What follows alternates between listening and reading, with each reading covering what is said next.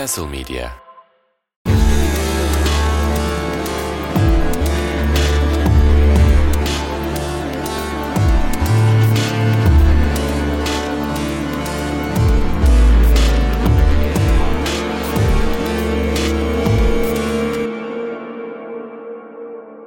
Merhabalar, Konuş Onunla podcast serisine hoş geldiniz. Bu seride merak ettiğim mevzularla ilgili soru sorabileceğim konukları ağırlıyorum. Bu bölümde konuğum psikiyatr Arzu Erkan. Arzu hoş geldin. Hoş buldum. Arzu Erkan'la yaşadığımız toplumsal travmalar üzerine bir sohbet edeceğiz. Ben direkt konuya girmek istiyorum. Bir süre önce korkunç bir deprem felaketi yaşadık. Bunu ben felaket olarak tanımlıyorum. Bunun sebebi de gerek deprem öncesinde gerek sonrasında önlemlerin yeterince alınmamış olmasından ötürü bu duruma geldi. Zaten bunun etkilerini ileriki dakikalarda konuşuruz. Ya bu süreç ülkede yaşayan herkesi bir şekilde etkiledi. Geçen gün katıldığım bir programda şöyle bir şey söylemiştin. Travma kelimesini, travmadan etkilenenler üzerine şöyle bir şey söylemiştin. Depremden birincil derecede etkilenen ve orada hayatta kalan insanlar için bu süreçten birincil derece etkileniyor. İkincil derece olarak oraya bölgeye yardıma giden ve oradaki çaresizliğe şahit olan insanlar ve üçüncü derecede bölgeden uzak olup ama ilgisini orada tutup ve bir şekilde kendi içindeki çaresizlik hissiyle hayatını idame ettirmeye çalışan insanlar gibi bir açıklaman oldu. Aslında bunu özellikle buradan başlamak istiyorum çünkü hepimiz bir şekilde etkilendik ve içinde yaşadığımız süreci anlamak adına onu tanımlamanın önemli olduğunu düşünüyorum. O yüzden biraz açıklayabilir misin? Aslında biz literatürde birincil ve ikincil etkilenme olarak söz ediyoruz ancak bu üçe ayırmak insanların kendilerinin neler yaşadığını fark edebilmeleri açısından ve hangi grupların nasıl etkilenebileceğini bizim bilebilmemiz, öngörebilmemiz ve nelere dikkat edeceğimizi sezebilmemiz açısından önemli. O yüzden üçe ayırmayı tercih ettim. Çünkü bir travma etkisi ya da travma sonrası stres bozukluğu dediğimiz tabloda bir kişinin birinci derecede o travmayı yaşıyor olması da etkileyebiliyor. Ancak kişi kendisi yaşamasa bile bunun bir tehdidini yaşamak ya da bir yakınının bu dehşet verici olayı yaşaması da aynı etkiyi yaratabiliyor. Deprem olgusunda bunun dışında bu gerçekten çok büyük ölçekte bir yıkıma neden oldu. Ben sadece depremin etkilerini söylemiyorum. Senin de söz ettiğin gibi önlemlerin alınmaması, yardımların zamanında götürülememesi, hali hazırda oradaki insanların barınmadan beslenmeye, temel hijyenden e, birçok konudaki yoksunluklarına kadar e, hala bu etkiler devam ediyor. Ve burada oradaki insanlara yardım götürmeye çalışanlar ya da yakınlarını kaybedenler, arama kurtarma ekipleri e, onlar da sanki depremi yaşamış gibi etkilendiler bundan. Bir işte diğer grup var ki o da sosyal medyada ya da başka bir ülkede olup e, bir başka insanın yaşadığı felakete, travmaya dertlenen e, ve biraz o çaresizliği hisseden, özellikle medya ve sosyal medyada görüntüleri gören ya da bununla ilgili haberlere tanık olan kişilerin etkilenmeleri var. Elbette ki kıyas götürmez bir acıyı yaşayan, birinci derecede yaşayan, ikinci derecede yaşayan kişilerin altında kaldıkları etki ile uzaktan tanık olanlarınki aynı olmayacak. Fakat başımıza bir felaket geldiğinde, zorlayıcı bir olay geldiğinde bizim bununla ilgili baş etme kapasitemiz de belli ölçüde devreye giriyor. Uzaktan tanık olan insanlarda hem bununla ilgili baş edecek bir durum olamıyor ve biraz daha çaresiz hissediyorlar. Onlarda da ciddi işlevsellik bozulmasını görebiliyoruz. Örneğin işte pek çok kişide oldu. Geride kalanın suçluluğu dediğimiz, hayatta kalanın suçluluğu dediğimiz işte yediğinden, içtiğinden, giydiğinden utanma, uyuduğundan utanma ya da işte uyuyamama, bedensel belirtiler, panikler, kaygı, hayatın anlamını yitirmiş gibi hissetme, enerji kayıpları, ağrılar gibi sanki o kişiler birinci derecede yaşamış gibi etkilendiler bundan. O nedenle her grubun nasıl etkilendiğini anlamaya çalışıp buna yönelik müdahalelerde bulunmak gerekiyor. Mesela kendi deneyimimden ve arkadaşlarımla konuştuğum deneyimden yola çıkarak şunu söyleyebilirim. Deprem oldu ve şöyle bir şey oluyor. Sabah akşam evet internet başındasınız. Onu izliyorsunuz. Televizyondan bakıyorsunuz. Uykular evet bozuluyor. Ve şöyle bir nasıl söyleyeyim gerçekle bir bağ zayıflıyor diyebilirim. Şu açıdan zayıflıyor. Gerçekle bağ kurduğunu zannederek zayıflıyor. Yani tıpkı o haberleri izlerken ve ben onu izlemezsem ya da sosyal medyaya bakmazsam sanki oradaki acıyı yitireceğim gibi bir his yaşanıyor. Bunu sadece ben yaşamadım. Ben yaşadım. Birçok arkadaşımla da ortaklaşa bunu yaşadık. Ve dediğin gibi o suçluluk hissi yani hava soğuduğu zaman kombimin derecesini bir derece açmak bile e, gerçekten yani o yaşanılan duygu, o suçluluk duygusu çok başka bir yere götürüyor insanı. Ve şimdi de ülkenin atmosferine baktığımızda da şimdi tabii ki toplumsal travmalar dedik ve en yakın dönemde deprem olduğu için deprem üzerinden konuşuyoruz. Ülkenin atmosferine de baktığımızda şimdi devam eden bir deprem süreci var. Hı hı. Ve sosyal medyadan biz bu çağrıları alıyoruz falan. E bir taraftan da bir siyasi çalkantılar da oluyor. Ve şunu bilmiyorum gerçekle bağımız ne kadar sağlam şu anlamda. Çünkü geçtiğimiz haftalarda direkt olayı anlatmama gerek yok ama herkes anlayacaktır. Muhalefetin bir masa krizi vardı ve eş zamanlı olarak da Hatay'da su yoktu. Orada hava kötüydü, yağmur yağıyordu. Hem su yok insanlar suya ulaşamıyor bir taraftan da yağmur yağıyor çadırları ıslanıyor. Bu anlamda yardım duyuruları vesaire o organizasyonu misyonu ediniyorsun. Ama bir taraftan da hani ilgin evet siyasette ne olacak şimdi kim ne demiş haline geliyor. Burada bir iki uç var ve orada bir gerçek kaybı mı yaşıyoruz? Ya gerçekten çok ilkel bir soru soracağım ama ne yaşıyoruz tam olarak yani? Orada ne hissediyoruz onu merak ediyorum. Şimdi ülke olarak birçok travmatik yaşantıya tanıklık ederek aslında günümüzü geçiriyoruz. İşte kadın cinayetleri her gün 3 kadın öldürülüyor, çocuk istismarı, ekonomik istikrarsızlık, pek çok şiddet ortamı sosyal medyada medyada bunu görüyoruz ve işte çok yakında Beyoğlu'nda patlama oldu. Daha önce Ankara Garı katliamı o kadar çok travmatik deneyim yaşıyoruz ki bir tanesinin yasını dahi tutamadan hemen hayata bir yerden eklenmeye veya o acıyı bir kenara koyup devam etmeye uğraşıyoruz ve bunlar çok fazla organizmamızın, ruhsallığımızın kaldırabileceğinden çok çok fazla. Haliyle biraz disosyasyon dediğimiz çözülme, dağılma, kopma, senin de söylediğin gibi gerçekten kopma ve hani ne yaşıyoruz biz dedirten bir durum oluyor. Şimdi bununla mücadele edebilmenin yollarını bulduğumuzda o zaman gerçekle ve birbirimizle bağımızı tekrar kurabilmek mümkün.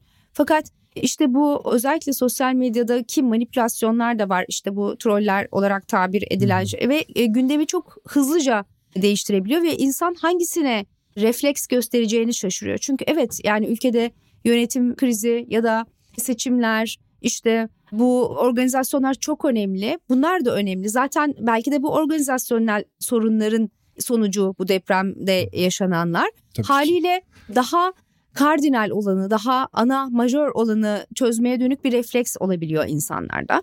Fakat bu yapılırken özellikle sosyal medya yardım ağının çok sıkı kurulduğu bir alan. E, o zaman orayı meşgul etmiş oluyorsunuz ve dikkatleri çevirmiş oluyorsunuz. Zaten acı çok fazla geldiği için refleks olarak bazı insanlarda o acıdan kaçma, kaçınma ve yok sayma eğilimi oluyor. Örneğin bir bağış yapıyor ya da birkaç tweet'i retweet ediyor ya da işte depremden etkilenenler için bir katkı sunuyor. Fakat bunun sürdürülebilir olmasına gayret göstermeyebiliyor. Böyle bir refleks yeni yeni kuruluyor bence. Bunun önemi yeni yeni anlaşılıyor.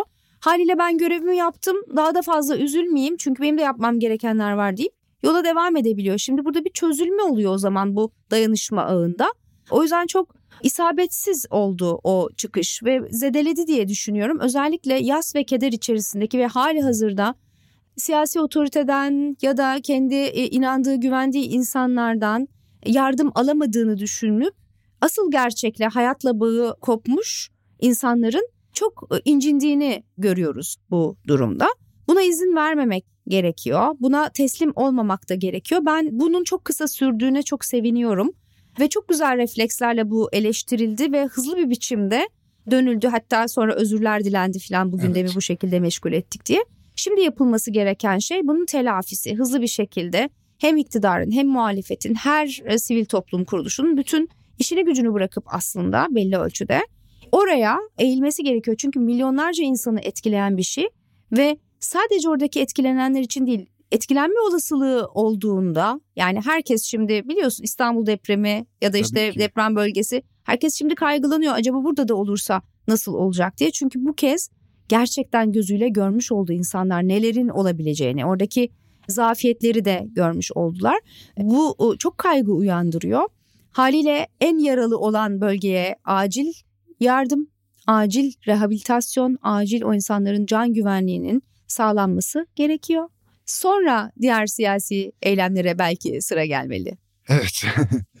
bir taraftan bakınca da şöyle bir şey var. Şimdi az önce dediğin gibi o depremi yerinde birebir yaşamayan bizler için bir kaygı eşiği yükseldi. Bizim başımıza gelirse ne olur, ben ne yaparım? Hepimiz ona göre hazırlık yapıyoruz. Geçtiğimiz yıllardaki süreçlere baktığımızda bir Covid süreci atlattık ve Covid sürecinde bize bilgi olarak en güvenli olduğunu düşündüğümüz yer evlerimizdi. Dışarısının aslında tehlikeli olduğu bilgisiyle hareket ediyorduk ve evlerimize sığındık. Covid dönemi birazcık hafifledi. Üstüne ekonomik kriz geldi. Bu sefer bir gelecek kaygısı eklendi. Şimdi de bu deprem felaketiyle birlikte en güvende hissettiğimiz alanın güvensiz olduğuna dair bir bilgi var kafamızda. Evet bu zaten kolektif tarihimizde de var olan bir şey. 17 Ağustoslar, Van depremleri, Erzincan depremleri bunların hepsine bu bilgilere sahibiz ama zaman zaman gündelik yaşam pratiğinde unutuyoruz bunu. Çok açık bir şey sormak istiyorum. Bu kadar üst üste kaygı yaşamış bir toplum olarak bireysel akıl sağlığımızı nasıl koruyabiliriz? Şimdi insan inkar kapasitesini özellikle bu kadar üst üste bir şey örselenme yaşayınca kolayca devreye sokabilen bir varlık. Kolayca yok sayabiliyoruz. Aslında evlerimiz hiçbir zaman güvenli değildi. Biz zaten deprem bölgesinde yerleşim gösteren insanlarız ve ülkedeki işte binaların nasıl inşa edildiği, işte yapılaşma, çarpık kentleşme bunların hepsi malumumuz ve birçok insan, bilim insanı her gün bu depremle ilgili birçok bilgi paylaşıyor ama ne yapıyoruz? İşte evlerimizde oturmaya devam ediyorduk. Ne zaman somutlaştı gözümüzün önünde oldu o zaman kaygılanmaya başladık. Zaten elimiz güvende falan değildi. Biz onun öyle olduğunu varsayıyorduk. Şimdi burada e, kaygıyı artıran şey bir zorlanmanın altında mı kalıyoruz yoksa bunun üstesinden gelebiliyor muyuz? Yani kontrol bizde mi değil mi? Şimdi evlerimiz güvenli değilse biz ne yapabiliriz? Daha güvenli bir yere göç edebiliriz ya da evimizi değiştirebiliriz. Fakat bu ekonomik göstergelerin ışığında, bu pahalılıkta kim nasıl çıkabilir? Bu kiraların ya da işte ev fiyatlarının böyle olduğu bir dönemde dolayısıyla bir sıkışmışlık hali oluyor. Hareket edemiyorsunuz. Evinizi değiştiremiyorsunuz ya da hadi evinizi değiştirdiniz okul ne olacak? Gittiğiniz hastanelerin yakıldığını gördük. Kamu kurumlarının yıkıldığını gördük. Yani nereye kime güveneceğiz? Şimdi bu temel güveni sarsan, zemininden sarsan bir şey. Bu kendisini evdeki kaygı olarak gösteriyor. Aslında bütünüyle baktığımız zaman biz bu ülkede can güvenliğimiz yok. Yani bir kadın sokağa çıktığında can güvenliği yok. Bu deprem sürecinde şey romantizmi yapmak istemiyorum. Eşitlendik, aman hepimiz eşitiz romantizmi yapmak istemiyorum. Ama ortaklaştığımız bir şey var. Artık hepimizin hayatı tehlikede bir noktada çok pesimist bir yerden söylüyorum. Hepimiz o yaşamsal kaygıyı taşıyoruz bir şekilde. Yani o kaygı, o yaşamsal kaygının varlığını görünür kıldı bu. Bu hep vardı. Birçoğumuz bunun hani şey oluyor ya beni bulmaz bu. Yani bana olmaz gibi düşünebiliyor. Çünkü ancak böyle katlanabiliriz. Bir taraftan da inkar kapasitemizi kullanmamız gerekiyor. Yoksa devam edemeyiz. Yani ne sokağa çıkabiliriz ne eve girebiliriz. Zaten şu anda öyle oldu. Yani neresi güvenli durum var. O yüzden güvenliğimizi nasıl artırabiliriz? Yani ben evimi belki değiştiremeyebilirim ama evdeki dolapları duvara sabitlemem. Deprem sırasında bir eylem planı yapmam her gün yapmalıyız. Bunu hep söylüyorum. Yani nasıl araca bindiğimiz zaman emniyet kemerimizi bağlıyoruz. Bunu her seferinde yapıyoruz. Bizim her akşam bunu ezberleyene kadar, herkesin o refleksine yerleşene kadar her akşam bir depremde nereye saklanırız, nereye sakınırız? İşte telefonumuzun şarjı var mı? İşte şu deprem uygulamasını oluyor ya bu işte Akut'un uygulamaları gibi uygulamalar var haber vermek için. Bunları nasıl yapabilirim? İşte bir su koyayım daşucuma gibi şuraya yuvarlanırım gibi bir planı evinde yaşayan insanlar olarak herkes bir yapmalı. Bu kontrol algısını artıran bir şey. Çünkü biz zaten kontrol edilemez olan bir şeyi kontrol etmeye çalışıyoruz. Yani aslında olmayana ergi neyi kontrol edebiliriz ki değil mi? Ama bir miktar ben bununla ilgili önlem aldım ve hazırlıklıyım algısını oluşturabildiğimizde bunlardan daha az etkilenebiliriz. Akıl sağlığımızı nasıl koruruz sorusuna yanıt. Bir diğer şey bu tür durumlarda hepimizin bir ilk yardım eğitimine gitmesi gerekiyor mesela. Sivil toplum kuruluşları, bu dayanışma toplulukları, örgütler, herhangi bir şey yakın bulduğumuz onun içine girdiğimizde şu duygu gelecek. Ben yalnız değilim. Benim gibi birçok insan var. Ben şunu çözemezsem şu kişi bunu çözebilir. Yani o ağları sıkı örmemiz gerekiyor. Bu da bizim akıl sağlığımızı korumamızı sağlar. Ayrıca bir konuda yetersiz ya da çaresiz olduğumuzda bizim gibi diğer insanlar olduğunu görmek de bizim olağan hissetmemize yardımcı olacak. Şimdi çok olağan dışı şeyler yaşanıyor ve bunlara birçok tepki veriyor herkes kendi hikayesine, geçmişine, meşrebine göre, psikolojisine göre ve bunların hepsi olağan. Hani biri diğerinden daha makbul, daha az makbul değil ve burada dayanışmanın, birlikte hareket etmenin, bir topluluk olduğumuzu unutmamanın önemine vurgu yapmak istiyorum. Yani bir taraftan da o topluluk hissini yaşıyoruz ama bir taraftan da inanılmaz bir baskı ortamındayız. Depremin ilk günlerinde özellikle halkla yapılan röportajlarda hepimiz şunu fark ettik. Sosyal medyada da bu çok yazıldı. Tutuklarlarsa tutuklasınlar ama şunu eksik yaptılar, şunu yapmadılar, şöyle yaptılar, böyle yaptılar ve o dönem birçoğumuz sosyal medyada da bunun tepkisi verildi. İnsanlar yakınlarını kaybetmişler. Belki de az önce cenazelerini gömmüş olabilirler ya da içeride enkazda bir yakını olabilir ve kamera görmüş kendi sesini duyurmak istiyor ama ilk söylediği şey tutuklarlarsa tutuklasınlar. Bunun yarattığı hem o acıyı yaşayan insanlardaki bir öfke var hem de buna şahit olan bizlerde ortak bir öfke var. Ve bu öfkenin kanalize edileceği bir yer arıyoruz. Bu zaman zaman şeye de dönüşüyor. Bütün bu sadece deprem sürecinde değil bu tarz felaketler olduğunda, Covid olduğunda da, patlamalar olduğunda da sosyal medyadan tırnak içinde böyle biri seçiliyor ve onun üzerine de atılabiliyor bütün öfke. Ya da özel hayatımızda o öfke bir yere savruluyor. Biz bu öfkeyi nasıl yönetebiliriz aslında? Ben bunu sormak istiyorum. Nasıl ki gıdaya, güvenliğe birçok şeye ihtiyacımız var. Kendimizi ifade etmek de çok temel bir ihtiyacımız. Hak ve özgürlüğümüz. Fakat bunun son zamanlarda gitgide yasaklandığını, örneğin işte bir tweet atıyorsunuz, e, gözaltına alınabiliyorsunuz ya da bununla ilgili işte kolluk kuvvetlerine e, işte davet ediliyorsunuz, ifade vermeye gidiyorsunuz. E, ya da bu dezenformasyon yasası gibi şeylerde.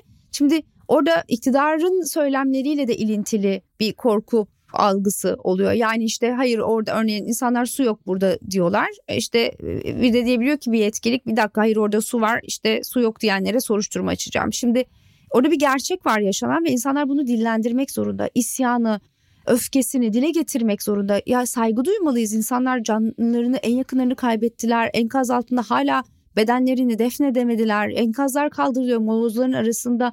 İnsanların sevdikleri bulunamıyor. Şu anda kayıp bir sürü insan var. Çocuklar kayıp. İşte zaten bir toplumsal cinsiyet eşitliği perspektifinden bakılmadığı için çok cinsiyetçi uygulamalar söz konusu orada. Şimdi bütün bunlar varken bunları dillendiren insanları tehdit ederseniz e, insanlar korkarlar ve şimdi bu korku duvarının kalktığını görüyoruz. Neyse ki iyi ki çünkü eğer bir ben bir ruh sağlığı hekimi olarak bana ruh sağlığı için ne iyi gelir derseniz ben bu insanların konuşması iyi gelir diyeceğim tabii ki. Tabii ki ben dillendirecekler diyeceğim. Bunu da zaten ilk günlerden e, itibaren birçok yerde de deklare de ettim yazdım da korkmamalıyız. Yani şey oluyor ya espriler yapılıyor işte bir şey yazıyorsunuz Silivri soğuktur esprisi yapılıyor örneğin çok sıklıkla. Yani enkazın altı da soğuk üstü de soğuk yani hiçbir yerde güvende değiliz. Dışarıdayız ama özgür müyüz? O yüzden özgür olabilmek, dile getirebilmek hem duyguları yaşayabilmemizi hem de daha sağlıklı bireyler olmamızı sağlar. Bu her tür iktidarın da aslında yararlanabileceği de bir şey bir taraftan da. Yani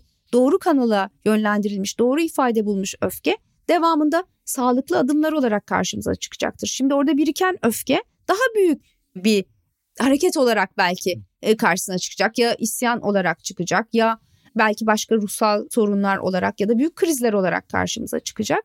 Öfkeyi doğru ifade etmeyi ne yazık ki bilemiyoruz. Bunun örneklerini göremiyoruz. Genellikle bir şiddet dili hakim. Bu mecliste de böyle, birçok yerde de böyle. Hatay milletvekili bugün konuşurken meclisteki konuşmasında birçok insan sözünü kesmeye çalıştı. Ona sataştılar. Yani yeğenini yeni gömmüş. Kaç gündür o bölgede ve bütün o şeylere tanıklık etmiş. Orada olanları aktarıyor. Onun bile konuşmasına e, neredeyse izin vermediler. Sesini kestiler. Sonra meclis başkanı dedi ki bugün sizi dinleyelim. Biz biz hepimiz bugün sizi dinleyelim. Evet ihtiyacımız olan şey biraz bu. E, o öfke çıkacak ki yerine yeniden anlam inşa edebileceğimiz, yeni seçimler yapabileceğimiz, bir daha bunları yaşamayalım e, diye neler yapabileceğimize bakabileceğimiz bir alan açılabilecek. Öfke harekete geçirir. Öfke sağlıklı bir duygudur. Arzu, programımızın bir ara segmenti var. Kontraksiyon diye. Bu diğer bölümlerde normalde sosyal medya üzerinden okuduğum tweetlere konuğumun yorum yapmasını birazcık da güldüğümüz bir bölüm. Ama maalesef bu konu üzerinden de açıkçası ben kendi adıma gülebileceğim bir şey bulamadım. Çünkü gördüğüm şeyler beni çok tetikliyor. öfkelendiriyor, üzüyor vesaire vesaire. Yani be, benim gibi de milyonlarca insan var. O yüzden sana üç tane bu süreçte yaşadığımız olaydan bahsedeceğim. Fikrini sormak istiyorum. İlki deprem sonrasında depremden etkilenmiş çocuklara Kibritçi Kız kitabını hediye götüren fenomen. Ki orada insanlar soğuktan donarken, insanlar enkaz altında soğukta donarak ölürken böyle bir şey yapıldı. Fikrini sormak istiyorum burada. Şimdi tıpta bir şey vardır önce zarar verme diye. Bu her şey için geçerli olmalı. Bir şey yapıyorken yapmış olmak için mi yapıyorum? Ben bunu yaparken e, kime neyi ulaştırıyorum? Oradaki asıl ihtiyaç ne ona bakmak lazım. Yani yapmış olmak için yapmak ya da işte kendisine iyi gelen bir şeyi oradakilere de iyi gelecek gibi varsayarak yapmak en hafifinden naiflik veya işte bunu kötülüğe kadar varan şey olabilir yani. Yani götüreceğin kitabı okumaz mısın yani kibritçi kızı Hı-hı. hadi diyelim bilmiyorsun hikayesini finalinde Hı-hı. soğuktan donan bir kızdan bahsediyoruz ve orada sen çocuklara geceleri soğuktan donuyorlar ki o dönem hala çadır yoktu sokaklarda yatıyorlardı keza belki de enkazın altında o soğukta günlerce kalmış da olabilirler ve kibritçi kızı götürmek bilmiyorum ya benim böyle Ben insanların e, bir bölümünün neyi götürdüğüne baktığını bile düşünmüyorum. Yani orada sadece bir hareket var ve ben ne yapabilirim bunu yapabilirim. İşte hani saralım oradan 5 kilo kitap götürelim gibi bir yaklaşım bile olabilir. Yani böyle bir aymazlık var. Bizde çünkü ötekini umursama, ötekini düşünme, dayanışma kültürü aslında var kültürümüzde. Yani pek çok hani kültür derken tek bir kültür yok elbette ki ama hani bu coğrafyada işte düğünler, dernekler, yaslar, ölümler hep bir arada yapılır ve çeşitli ritüeller vardır. Komşuluk vardır Komşuluk aslında. Komşuluk vardır ve dersin ki bu ona denmez. Bu orada söylenmez. Bu burada münasip düşmez gibi. Bu son zamanlarda çok zedelendi. Eğitim sistemi ile e, orada da bir takım eksiklikler, dezavantajlar var ve insanlar bir ötekine ben nasıl iyi gelirim? Onun neye ihtiyacı var? Benim neye ihtiyacım var? Buralardan çok koptular ve otomatik bir şekilde bir şeyler yapıyorlar. İşte teyit etmeden bir şeyleri retweet etmek olabilir. Bu bir haberin doğruluğunu e, bilmeksizin, içeriğini bilmeksizin bununla ilgili bir paylaşım yapmak olabilir. Ya da işte bölgede işte başörtülü e, birçok kadın var. Deprem işte o dayanışma kolilerine bunu koymak bu önemli bir şey. Pet koymak önemli bir şey. Tırnak makası örneğin soğukta insanlar zaten uyuz salgını, bit salgını oldu orada. Bir nemlendirici koymak, bit şampuanı koymak, bir doğum kontrolü yani bunları ihtiyacın ne olabileceğini varsayıp ona uygun iş çamaşırı koymak yani büyük beden kıyafet koymak, bir kilotlu çorap koymak gibi. Burada bunu tartmak yerine hızlıca hareket edip ilk aklına gelen ilk uzandığı şeyi götürmek zarar vermek oluyor. Bu bunun bir yararı yok. O yüzden mış gibi yapmamayı öğrenmemiz gerekiyor ve biraz eleştiriye açık olmak, öz eleştiri yapabilmek, kendini de bir gözden geçirebilmek, yeri geldiğinde de geri adım atabilmek önemli. Ben burada hata yapmışım, bunu düşünemedim diyebilmek önemli. Buna bağlayacağım aslında bir madde daha var. Depremin üçüncü gününde bir gazete neyse oradan e, bir takım yazarlar depreme dair fotoğraflar ve altına o fotoğrafları edebiyatla ifade etme tırnak içinde hoşluğuna giriştiler. Ve sosyal medyada da bunun tepkisini aldılar. Yine aynı yayın organındaki bir yazar da bu süreçte dinleyebileceğiniz podcastler, okuyabileceğiniz kitaplar gibi böyle listeler yaptı. Bu nasıl bir akıl tutulmasıydı? Zaten sosyal medyada hak edilen tepkiyi gördüler ama yine de bu akıl tutulması nereden geliyor? Bir sormak istedim sana. Şimdi bu tür paylaşımlar yapılabilir. Fotoğraflara yazılar yazılabilir, besteler yapılabilir, ağıtlar yakılabilir. Edebiyatın zaten bu konusudur. Ancak her şeyin bir zamanı var. Şimdi orada hali hazırda bile bakın bir ay geçti üzerinden. Hala oradaki insanlar yaralı, tarumar ve acılarına eşlik etmek gerekiyor. O fotoğraflara bakıldığında zaten hepimiz acının ne olduğunu görüyoruz. Bunu romantize etmeye, bir takım müzikle ya da işte süslü sözlerle bezemeye gerek yok. Çok talihsiz bir şeydi o. Zaten bazı yazarların e, özür metinleri evet. yayınladıklarını gördük. Neyse ki iyi Neyse ki. ki. Ve sevdiğim e, yazarların evet. yayınlamış olması çok hoşuma gitti. Evet bu, bu da çok güzel bir örnek oldu. Yani biz de hata yapabiliriz. Biz nasıl böyle bir şey yaptık. Şimdi burada iki ikiye ayırmak isterim. Bir, şimdi bu şok etkisiyle olayın vahametini fark edip bununla ilgili ne yapacağını bilemeyip belki elindeki en iyi kullandığı aracı insanlara yardımcı olmak için kullanma refleksi olabilir. Çünkü acıya biz çok çabuk acıyı geçirme davranışında bulunuyoruz. Oysa ki bu acıya bir bakmak lazım. Bize ne söylüyor? Orada ne var? Oradaki ihtiyaç ne? E, acıyı geçirip bununla ilgili müdahale etmek yerine acının içinde kalmayı deneyimlemiyoruz. Bu son yıllarda ya bunu biraz önce de söyledim tabii bu kadar çok travmatik örseleyici şey olunca insan bundan kaçınmak isteyebiliyor. Böyle bir refleksimiz var. Orada belki şok etkisiyle yaptıkları şeylerin belki insanlara iyi gelebileceğini düşünmüş olabilirler. Bence daha e, vahimi bunun e, bu eleştirilere kulak vermeyip bunun çok doğru bir şey olduğunu ama insanların bunu anlamadıklarını ve vasat olduklarını e, evet. e, öne sürmek ya da işte bunu sürdürmek başka şeylerle. Çünkü hani o podcastleri kim dinleyecek? O kitapları kim nasıl okuyabilir? Hala bir ay geçti. Hangimiz doğru dürüst kitap okuyabiliyoruz? Hangimiz doğru dürüst uyku uyuyabiliyoruz? Çünkü önemsiyoruz. Bu hayatın içinde hani kendimizi bırakalım, o acıda kalalım, yola devam etmeyelim anlamına gelmiyor ama her şeyin bir adabı var. De keza o dönem üçüncü günüydü, üçüncü ya da dördüncü günüydü. Hepimiz bir dayanışma ağ oluşturduk. Bir zincir oluşturduk ve sosyal medya başında evet durmadan gelen çağrıları hatırlarsan enkaz altından videolar geliyor. Onları paylaşıyoruz. Şu adres veriyoruz. Bunu yapıyoruz. Ne kadar faydalı oldu bilmiyorum. Ancak orada bir zamanla yarış süreci vardı. Farkındalık eksikliği mi demek lazım. Yani senin yanında böyle teşhis koyuyormuş gibi de olmak istemem ama gerçekten o aymazlık çok güzel bir tanım. Şimdi herkes dayanışma ağına katılarak baş edemeyebilir. Bazı insanların kaçınma ihtiyacı ön planda olabilir. Onların da geçmiş travmaları olabilir. Birçok insanın depremden sağ kaldığını biliyoruz bu ülkedeki kaçıncı travmatik yaşantı. Bunu hep söylüyoruz. Şimdi oradaki ihtiyacı gözetmek ve bazen şey demek. Aa bunun zamanlaması uygun değilmiş. Evet ya da bazı insanlar yararlanabilir diye bir şeyler paylaşılabilir. Fakat çok yeniydi yani ilkindeki eleştiri olduğunun akabinde bu geldi. Bu biraz saygısızlık oluyor, kulak vermemek oluyor ve bunu şeyde de görüyoruz. Ben işte bir şey düştü önüme. Yazı inanamadım. Yani depremzedelere bulaşık yıkayarak e, rahatlama önerisinde e, bulunan bir ruh sağlığı uzmanı. Yani insanlar şu anda değil duş almak, içecek su bulmak tencereleri yok. Yani nasıl bulaşık yıkayarak rahatlama bu bu bana çok şuursuzca geliyor. Çok açıklıkla söylüyorum. E, bu gerçeklikten kopuş işte. Bu bu toplumdan kopuş, insanların ihtiyaçlarından kopuş, iletişimden kopuş. E, dolayısıyla ben örneğin işte edebiyatçıyım, sanatçıyım ben bunu yazıyorum siz anlamıyorsunuz. O zaman okur için değil mi bir taraftan da yazılanlar? Yani kimse bunu okumayacaksa ya da okura da hitap etmiyorsa e, bu nasıl tek başına bir sanat üretimi olabilir? Yani okura da kulak verilmiyor mu birçok konuda yazılırken, çizilirken, üretirken? Kesinlikle. Ben bu segmenti kapatayım. Genel olarak zaten aynı hislerdeyiz. Şuna gelmek istiyorum. Bir taraftan da sosyal medyada gördüğüm bir tweet üzerinden de bunu sormak isterim.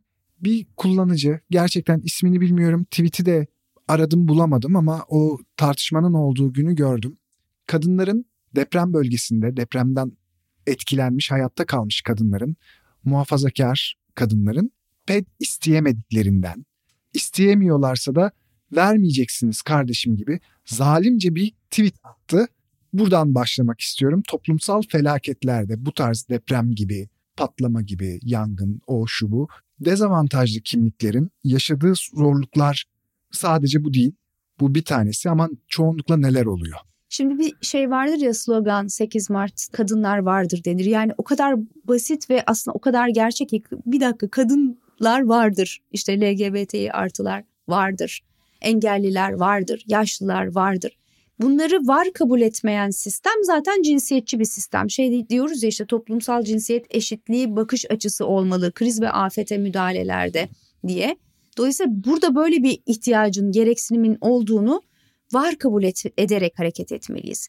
Ben ilk günler PET desteği için birçok tweet paylaşırken birçok insan bunu da bu kadar açık ifade etmeseniz mi? Ya bebek bezini ifade ediyoruz bunu niye etmiyoruz? Yani bunu bir tabu olarak kılan bir sistem varken orada kadınlar bunu istemekte çok zorlanıyorlar ve coğrafyayı iyi bilmek lazım. Bakın orada çadırlarda güvenlikleri yok kadınların. Giyinip soyunamıyorlar. Tuvaletler çok uzak, kilitleri yok. Zaten böyle durumlarda işte çocuk kaçıran insanlar, e, taciz, tecavüz, e, işte köle olarak biliyorsunuz hala ezidilerin birçok kadın kayıp bu şekilde köle olarak istismar edilen birçok kadın var. Yine işte organ ticareti, insan ticareti ve bu insanlar bizlerden daha organizeler. Yani bütün kamu araçlarından ya da sivil toplum kuruluşlarından daha organizeler ve alandalar şu anda. Birçok gebe kadın orada uygun olmayan koşullarda erken doğum yapıyor ya da doğumu bekliyor. Emzirilecek bir alan yok. İş çamaşırı yok insanların. Birçok bulaşıcı hastalık ya da e, hijyen koşulları sağlanamadığı için birçok şeyle baş ediyorlar. Bunların olduğunu bir önce kabul etmemiz gerekiyor ve hizmeti onlara bizim ulaştırmamız lazım. Zaten şok içindeler. Bir köyde insan 40 kilometre e, uzakta bilmem işte 40 dakika yürüyerek uzakta ve yaşlı bir insan geliyor örneğin geride kalanlara bir şey götürebilmek için orada kuyruk bekliyorsun. O kuyruk bitiyor öbür kuyruğa gittiğinde öbür şey de bitmiş oluyor. Ya bu insanlar orada neler yaşıyorlar bir bunları bilmek gerekiyor. Öbür çok yani yani burada bir şey dağıtıyoruz gelin alın böyle bir şey olamaz. Kaynakları bütün kaynakları tükenmiş insanların ve mecalleri yok. Haliyle bu bakış açısını öncelememiz gerekiyor ve ona göre hizmet götürmemiz gerekiyor. Kadınların utanıyor olmaları onların suçu değil. Bir de şöyle düşünelim. Yani evladınızı mezara koymuşsunuz. Pet istemeye nasıl gideceksiniz? Ne oluyor? Şey diyor ya bunu mu düşüneceğim diyor. Zaten kadının kendini ikinci planda düşünmesi, ihmal etmesi üzerine bir kurulu sistem. Şu anda buradan bir özgürlük sistemi, bir dönüştürme şeysi böyle bir felaket sürecinde mi yapma şeyine giriştin yani? Evet ya bu politik doğruculuk bazen benim de içine düştüğüm bir tuzak. Evet bunları tartışalım şimdi değil bunun da zamanı değil. Sonra bakarız yani ne yapalım insanların bilinç sıçraması yaşamasını bekleyelim can derdine düşmüş insanların. Tabii ki hizmeti ellerine kadar götüreceğiz ayaklarına kadar götüreceğiz ve bunu da sürdürülebilir kılmak için her şeyi yapacağız. Sonra da işte bu tabuları hep tartışacağız ama sonra. Sonra. Bir de bu toplumsal felaketler diyerekten ele alıyorum. Covid sürecinde de gözlemlediğim bir şey. Hatırlarsan 65 yaş üstü insanlar sokağa çıkamıyorlardı. O sürecin yaşlılarda bir unutulmuşluk, üzeri çizilebilirmiş önemsizlik, değersizlik hissi yarattı. Sistem bunu yarattı. Şimdi depreme baktığımızda da şimdi depremle ilgili hep kaçış planlarımız aslında kendi biyolojimiz üzerinden ama bir 65-70 yaşında tabii kişisel olarak çok fit olabilir orasını bilemem ama genel geçer e, şeyde vücut hızı senin benim gibi değildir. Ve bütün bu süreçlerde aslında örgütlü çalışmalarda, STK'larda buna yönelik bir şeyler yapılıyor mu? Sen bir psikiyatr olarak bilgin var mı bunu sormak isterim aslında. Şimdi ben hem Türkiye Psikiyatri Derneği'nin bir üyesi hem de çalışma e, gruplarının üyesi olarak hem medya, ruh sağlığı, travma, afet birçok çalışma birimi var. Aynı zamanda Tabipler e, Birliği'nin, Türk Tabipleri Birliği'nin kadın komisyonundayım. İnanılmaz ihtiyaçları tartıp, fark edip paylaşıyoruz ve oraya bir şey ne ihtiyaç varsa onu ulaştırmak için ve dezavantajlı olabilecek durumdaki herkesi gözetmeye çalışıyoruz. Birçok sivil toplum kuruluşu da bunu yapmaya çalışıyor ama ülke politikaları olarak bu yukarıdan aşağıya giden bir sistemimiz olmadığı için böyle bir kurulu bir düzenin olmadığını gördük hepimiz. Haliyle böyle şey oluyor böyle iğneyle kuyu kazar gibi oluyor. Aslında dezavantajlı olmayan bir tek herhalde heteronormatif sisteme uygun erkekler var. Onun dışında geri kalan herkes dezavantajlı oluyor zaten ve depremde görüyoruz ki bakım veren kadın, yaşlılar da birbirine bakıyor. İşte birçok kadın yakınlarını kaybetmesine, kendi çocuklarını kaybetmesine rağmen çok kalabalık çadırlarda diğer insanlara bakım veriyor. Yine LGBT artılar orada bütün ihtiyaçları göz ardı ediyor. Mülteciler, dil bilmeyenler, çocuklar. Bir de mülteciler hedef gösterilebiliyor. Evet yani gördük bunun örneğini hem ırkçılık oldu orada örneğin göçük altında kalıp ben Arapça konuştuğum için ses vermedim beni çıkarmazlar diye o yüzden sadece duvarlara vurdum diyen insanlar oldu. Neden? Çünkü biliyor yani orada bir ırkçılık var ve belki beni bilerek orada bırakacak diyor. Bu ne kadar sarsıcı, ne kadar ağır bir şey ve o bölgede şu anda dezavantajlı olan özellikle engellilerin, ilaç kullananların, diyalize girmesi gerekenlerin, bakım gerektirenlerin, gebelerin saymakla bitmez çok çok çok gözetilmesi gerekiyor. Şimdi kız çocuklar nasıl büyütülüyor? Evde kapa dizini, işte e, ört bacağını, işte ses çıkarma. Dolayısıyla inisiyatif alma konusunda gelişmemiş bir halde. Yani sakatlanıyor kız çocuklar büyürken. Koşma, yüzme, ağaca tırmanma gibi şeyler bilmedikleri için, öğretilmediği için depremden kaçamıyor çocuklar ya da kadınlar mesela. Bir yere tırmanamıyor ya da giydiği kıyafetler buna engel olabiliyor kaçmasına. Evet. Ya da pek çok kadının banyoda ya da yatakta pijamasıyla ya da çıplakken ya da başı örtülü değil diye seslenmediğini görüyoruz. Yani çünkü kadın kurtarma ekibi gelirse çıkabilecek ama beni böyle görmesin. Ölüme teslim oluyor insanlar öyle görünmektense. Şimdi tüm bunlar toplumsal cinsiyet eşitsizliğinin çıktıları. Yani tabii ki biz bu cinsiyet eşitsizliğiyle mücadele etmeye devam edeceğiz de şu anda işte bu eşitsizliğin sonuçlarını öngörebilmeli ve işte daha fazla kadın görevli, gönüllü oraya gidebilmeli. E zaten böyle de bu, mortarlar bu an, gönderildi biliyorsun. Bu anlamda tabii STK'lar, bir takım partiler kadın çalışanlarla birlikte orada bir zincir oluşturdular zaten bir çalışma sahası kurdular. Bunu gördük. Evet. Neyse ki yani STK'lar ve bir takım muhalefet partileri var evet. diyebiliyorum. Ama bunun işte ülke politikası olarak sürdürülmesi gerekiyor. Şu anda tamamen kişisel gayretlerle ve bu oluşumların gayretleriyle bu hala sürdürülebilir durumda ve şunu unutmamak gerekiyor. Şimdi örneğin bir öğrenciye burs veriyorsunuz diyelim bir kere mi verirsiniz? Yoksa bu öğrenci işte 3 yıl 5 yıl okuyacaksa sürekli vermeniz gerektiğini bilirsiniz değil mi? Ya da bir çalışanınıza maaşı bir aylık vermezsiniz çalışmaya devam ediyorsa her ay vermeniz gerekir çalıştığı sürece onu. Şimdi buradaki insanların ihtiyaçları gönderdik bitti değil ki devam ediyor. Ve bunu sürdürülebilir bir şeye dönüştürmek tabii ki ülke yöneticilerinin sorumluluğu ve evet hepimizin de sorumluluğu. Bizler bireyler olarak ve sivil toplum kuruluşları ya da meslek odaları olarak bunları yapıyoruz üstümüze düşeni. Şimdi hem iktidara hem muhalefete e, büyük iş düşüyor. Kesinlikle. Ben şu soruyu çok sormak istiyorum. Depremden hayatta kalmış, etkilenmiş insanlar. Az önce dediğim birinci derece, daha doğrusu senin dediğin birinci derece etkilenmiş insanlar. Belli bir süre sonra normal hayatın ritmine girecekler. Elbette bir yaz ağırlıkları, bagajları olacaktır. Ve şimdi doğru tabir etmeye çalışıyorum ama bir tarafları çok acılı, eksik kalmış demeyeyim ama öyle bir hisle topluma dahil olacaklar. Şimdi bir tık daha konforlu alanda olan bizlere münferit olarak ya da örgütsel olarak STK'lara, topluma nasıl bir sorumluluk düşüyor? Şimdi buradan hemen küçücük bir normalleşmeye değinmek isterim. Şimdi Tabii bir ki. aceleyle herkes nasıl normalleşebiliriz? Biz çok üzüldük. Haklı yani ateşte düştüğü yeri yakıyor. Siz üzüntüden hareket edemez haldeyseniz siz de ben nasıl iyileşeceğimi düşüneceksiniz. Bu çok normal.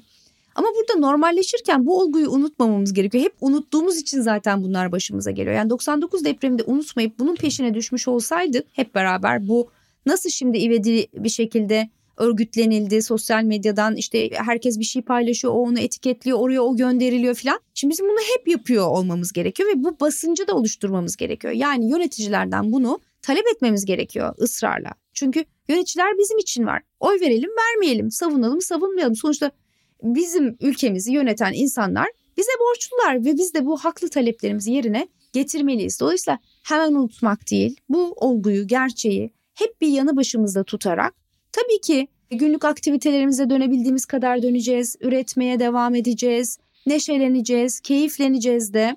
Ama bunu saygı duyarak yapmak çok önemli. Ötekinin gözüne sokarak, e, onu e, mahzun hissettirerek değil, acıyarak değil, evet. hiyerarşik bir yerden yukarıdan aşağıya bir şey değil, simetrik bir yerden dayanışarak yapmak çok önemli. Galeano'nun lafı gibi aslında. Kesinlikle. Bunu akılda tutmak gerekiyor. Okulların açık olması, üniversitelerin, kampüslerin açık olması, kişilerin hızlı bir şekilde hem istihdamının hem de barınmasının sağlanması çok önemli. Dezavantajlı olanlara hem istihdam hem barınma önceliği sağlanmalı. Bunun için kamuoyuna da baskı oluşturmamız gerekiyor. Bu hem sivil toplum kuruluşlarının, belediyelerin, yerel yönetimlerin yaptığı dayanışma hamlelerinden bahsediyorum. Hem de yine kamunun, iktidarın yaptığı. Şimdi 99 depreminde mesela şöyle bir olay olduğunu okumuştum raporlarda. Adamlar, erkekler enkaz altında eşlerini ya da işte ailelerini bırakıp gidiyorlar. Sonra o kişiler bir şekilde hayatta kalanlar hayatlarına devam ederken evler verildiğinde erkekler geri geliyor. Ama tapu kime verilmiş? Erkeklere verilmiş ve kadınları kapı dışarı ediyorlar. Yani bu tür şeyler var. O, o, o nedenle nasıl bir hizmet sunduğumuz o, o hizmet nereye gidecek? Kimi gözetiyor? Kimi dışarıda bırakıyor?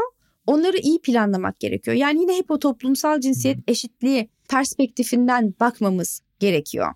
O yüzden kız çocuklara, kadınlara, engellilere, yaşlılara bütün kaynakların daha öncelikli ulaştırılması eşitliği sağlayacak. Bu önemli. Kişisel olarak oluşturacağımız dil burada. Bireysel olarak bana ne düşüyor, sana ne düşüyor, ona ne düşüyor. Aslında birazcık da bunu öğrenmek istedim ben. Neyi nasıl söyleyeceğiz? Bu hani hepimizin bir arkadaşının ya da bir yakınının başına bir şey gelmiştir değil mi? Birini kaybetmiştir, işsiz kalmıştır, ne bileyim ekonomik kayıp yaşamıştır. Ne yaparız? Eşlik ederiz. Neye ihtiyacı var anlamaya çalışırız. Bazen de sorarız. Yani diyebiliriz ki acının büyüklüğünü ancak tahmin edebilirim ama buradayım. Senin için yapabileceğim bir şey var mı? Ara ara seni aramak istiyorum. Yazabilirim sana. İster misin böyle bir şeyi? Ya da örneğin işte bir kahve yapıp götürmek. Onun için küçük bir sürpriz yapmak. Ya da işini kolaylaştırmak. Çocuğuna birkaç saat bakmak, onun dinlenmesini sağlamak. Okulda bir öğrencinin e, kaynaşmasını sağlamak. Deprem dersleri yapmak. Yani bunu günlük rutinin bir parçası haline getirmek. Yani deprem zede diyerek o kişileri işaretlemek, misafir öğrenci diyerek o çocukları işaretlemek yerine deprem olgusunun herkesin başına gelebilecek bir şey olduğunu e, ve bundan da birlikte iyileşilebileceğini, yaraların birlikte sarılabileceği mesajını kamu spotlarıyla vermek, okullarda vermek, bütün kurumlarda e, bunu sağlamak önemli. Ben hep sen bireyseli soruyorsun, ben kurumlara gidiyorum. Hı hı. Neden? Çünkü bireysel bazda karşımıza çıkabilecek olasılıklar o kadar çok ki bunları hani kapsayan şeyler söylemek çok mümkün olmuyor. Hep ihtiyaç üzerinden sakince, yavaşça, incitmeden, kırmadan onun neye ihtiyacı var ve biz ne sunabiliriz? Bu önemli. Ve şu da önemli. Merhamet yorgunluğu diye bir kavram var. Fazla fazla verip sonra yorulabiliyoruz. Sonra vazgeçebiliyoruz. Yarı yolda bırakabiliyoruz. Yani orada o love bombing'deki gibi fazla fazla verip sonra ghosting'deki gibi ortalıktan kaybolmamamız gerekiyor. Bunlara dikkat etmeliyiz. Sürdürülebilir olması önemli. Yapılan şeylerin ezmemesi önemli karşıdakini. Borçlu, suçlu hissettirmemesi önemli. Onu görüyoruz hep. Orada hep anlatılıyor ya ne, ne işte kadim bir halk. İşte biz oraya bir şey yapıyoruz onlar bize çay yapıyor. İnsanlar çünkü borçlu suçlu hissediyorlar. Hem geride kalanın suçlu var. Oysa ki kimse bunu e, bir başkasına suçlu borçlu hissetmemeli. Bu zaten olması gereken büyük insanlığın birbirine yapması gereken bir şey. Bir başka şey fazla ısrarcı olmamalı. Ne yapması gerektiğini söylememeli. İşte şey gibi ölenle ölünmez. Oluyor ya böyle şeyler.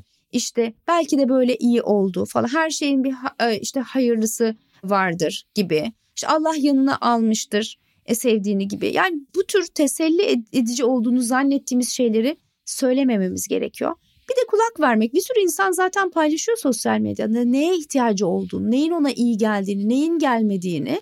Birlikte ağıt tutmak önemli. O yasa saygı duymak önemli. Bu hayatımızın akışı içindeki diğer şeylere keyif almayacağız. İşte çocuğumuzun doğum gününü kutlamayacağız. Ne bileyim işte tatile gitmeyeceğiz anlamına gelmiyor. Sağlıklı parçalarımızı sürdürmek zorundayız bize iyi gelen parçalarımızı. Ama bunları ötekini de umursayarak, onları da belki kapsayarak, kaynaştırarak yapmaya çalışmak, en azından bu niyette olduğumuzu göstermek çok önemli. Arzu çok teşekkür ederim. İyi ki geldin. Çok güzel anlattın gerçekten. Hem kendim için de bu sürece dair böyle bir güzel bir sağaltan bir program oldu benim için. Umarım dinleyiciler için de böyle olmuştur. Çok teşekkür ediyorum. Ben çok teşekkür ederim. Ben ne söylesem hep eksik hissediyorum bu konuda konuşurken. Böyle sürçülisan ettiysem affola. Çünkü bazen hassas davranmaya çalışırken insan bir şeye odaklanırken başka bir şeyi gözden kaçırdığını fark edebiliyor. Umarım dinleyen kimseyi incitmeden ve umarım belki işte ona iyi gelen bir yayın olmuştur. Çok teşekkürler. Görüşmek üzere.